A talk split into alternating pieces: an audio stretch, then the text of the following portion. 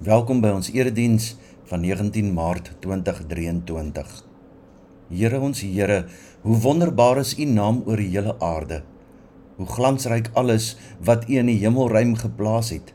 Kinders en suigelinge besing die magtige werk wat U tot stand gebring het. So word die teestanders, die vyande en wrakgieriges tot swye gebring. As ek U hemel aanskou, die werk van die vingers, die maan en die sterre waarin U 'n plek gegee het, Wat is die mens dan dat u aan hom dink? Die mensekind dat u na hom omsien. U het hom net 'n bietjie minder as 'n hemelse wese gemaak en hom met aansien en eer gekroon. U laat hom heers oor die werk van die hande. U het alles aan hom onderwerp. Skape en beeste, alles, selfs die diere in die veld, die voëls in die lug, die visse in die see wat die oseane deurkruis. Here ons Here, hoe wonderbaar is u naam oor die hele aarde. Amen. Ek groet julle in die naam van die Vader en die Seun en die Heilige Gees. O Here, help ons dat ons u woord kan oopmaak, dit kan hoor en daaruit kan groei en kan lewe. Amen. Ek lees uit 2 Korintiërs 13 van vers 5 af. Stel julleself op die proef en ondersoek julleself of julle in die geloof lewe. Besef julle dan nie self dat Christus Jesus in julle is nie? So nie het julle die toets nie deurstaan nie. Ek hoop dat julle weet dat ons wel die toets deurstaan het. Ons bid God dat julle niks verkeerds doen nie. Dit bid ons nie dat dit as bewys moet dien dat ons die toets deurstaan het nie. Ons wil hê dat julle die goeie doen, self al sou dit lyk asof ons die toets nie deurstaan het nie. Ons vermag niks teen die waarheid van God nie, maar wel alles vir die waarheid. Ons is dus bly as ons swak is as julle maar sterk is. Ons bid ook vir julle geestelike volwassenheid. Daarom skryf ek hierdie dinge terwyl ek nog van julle af weg is. Want wanneer ek kom, wil ek nie met die gesag wat die Here aan my gegee het streng teen julle optree nie. Met die gesag moet ek opbou, nie afbreek nie. Verder broers, wees bly, streef na die geestelike volwassenheid, aanvaar vermaaning, wees eensgesind, leef in vrede en die God van liefde en vrede sal by julle wees. Groet mekaar met die soen van Christelike broederskap. Almal wat aan hom behoort, stuur vir julle groete. Die genade van die Here Jesus Christus en die liefde van God en die gemeenskap van die Heilige Gees sal by julle almal wees. Tot sover. Vers 5 sê: Stel julleself op die proef en ondersoek julleself of julle in die geloof lewe. Besef julle dan nie self dat Christus Jesus in julle is nie? So nie, het jy die toets nie deurstaan nie. Jy's 'n Christen. Jy glo die Bybel. Jy glo dat Jesus vir jou aan die kruis gesterf het en jou sonde betaal het. Maar nou vra Paulus, ondersoek jouself of jy in hierdie geloof lewe. Met ander woorde, nie of jy glo nie, maar het jou geloof al begin prakties word? Bereik jy geestelik jou volle potensiaal? Jy as Christen is beelddraer van God.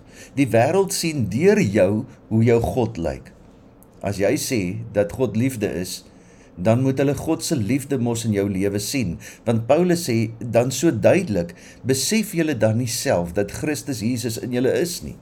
As jy sê dat God vergewe, dan moet hulle sien hoe jy vergewe, want Paulus sê dan so duidelik, besef julle dan nie self dat Christus Jesus in julle is nie.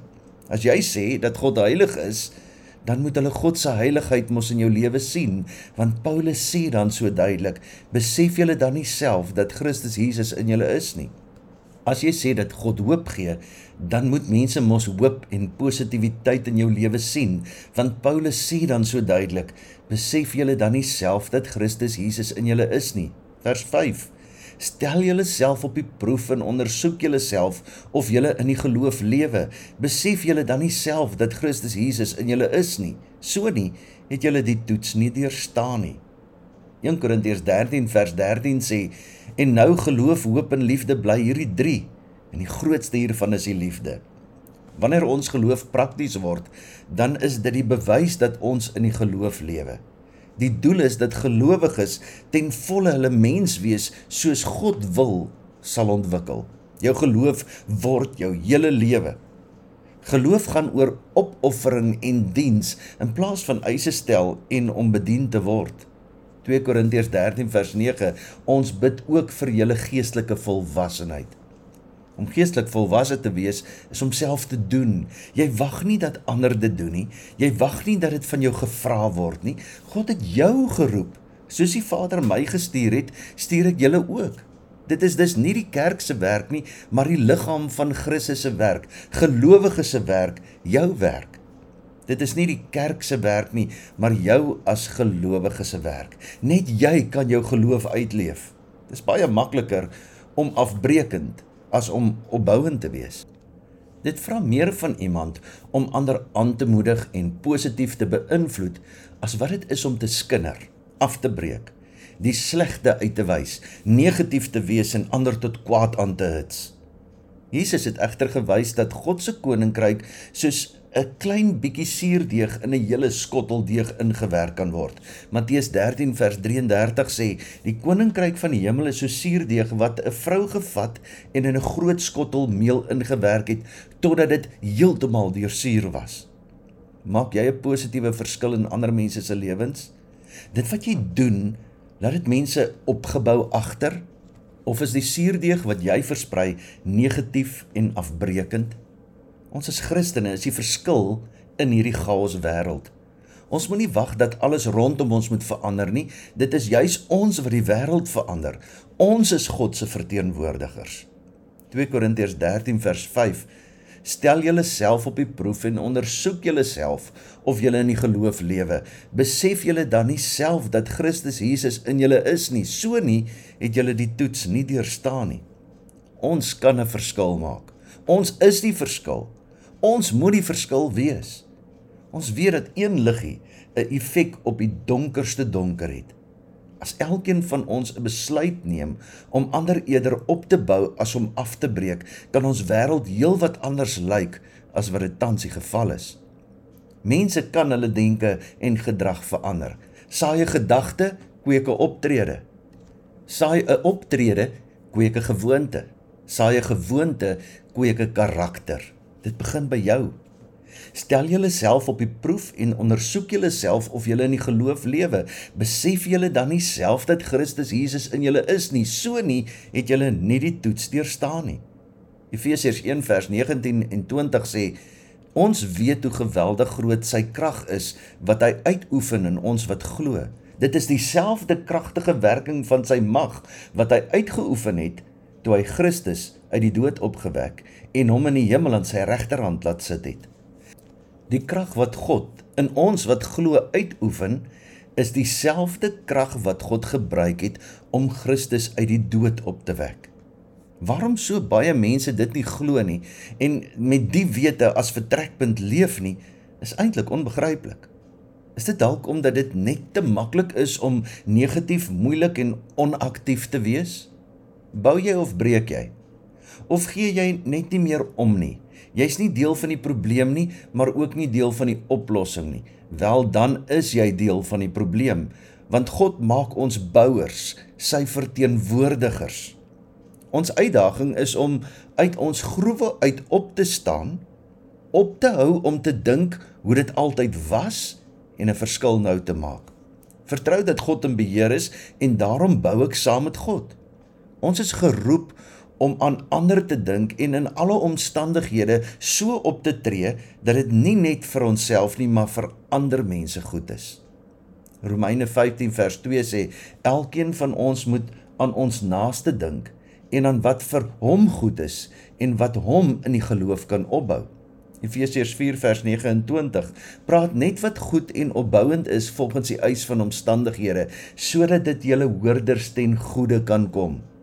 Paulus sluit die 2 Korintiërs brief met 'n hoopwens af. Hy hoop hulle onderlinge opbou sal soos volg lyk. Verder broers, wees bly.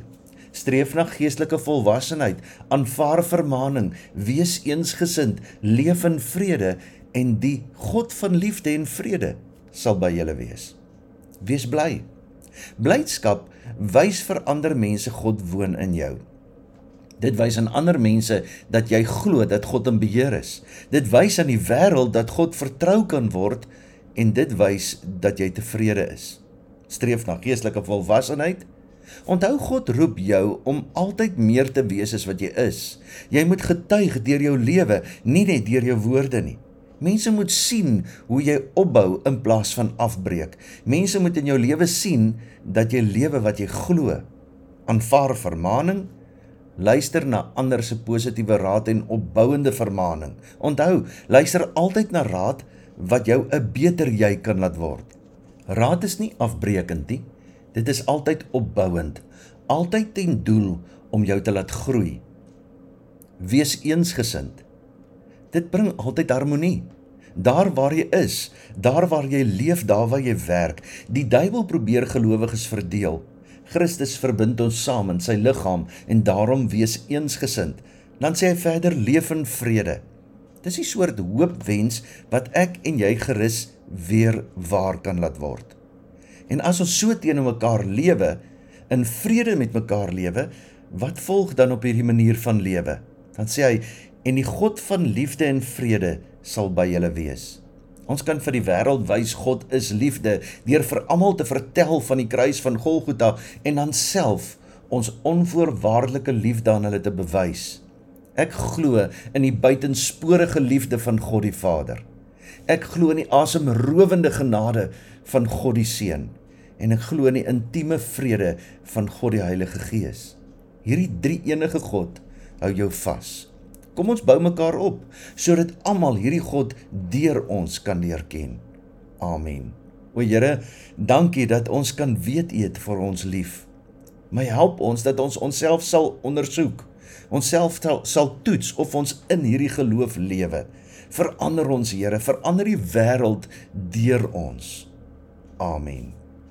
Die Here sal julle seën en julle beskerm. Die Here sal tot julle redding verskyn en julle genadig wees. Die Here sal julle gebede verhoor en aan julle vrede gee.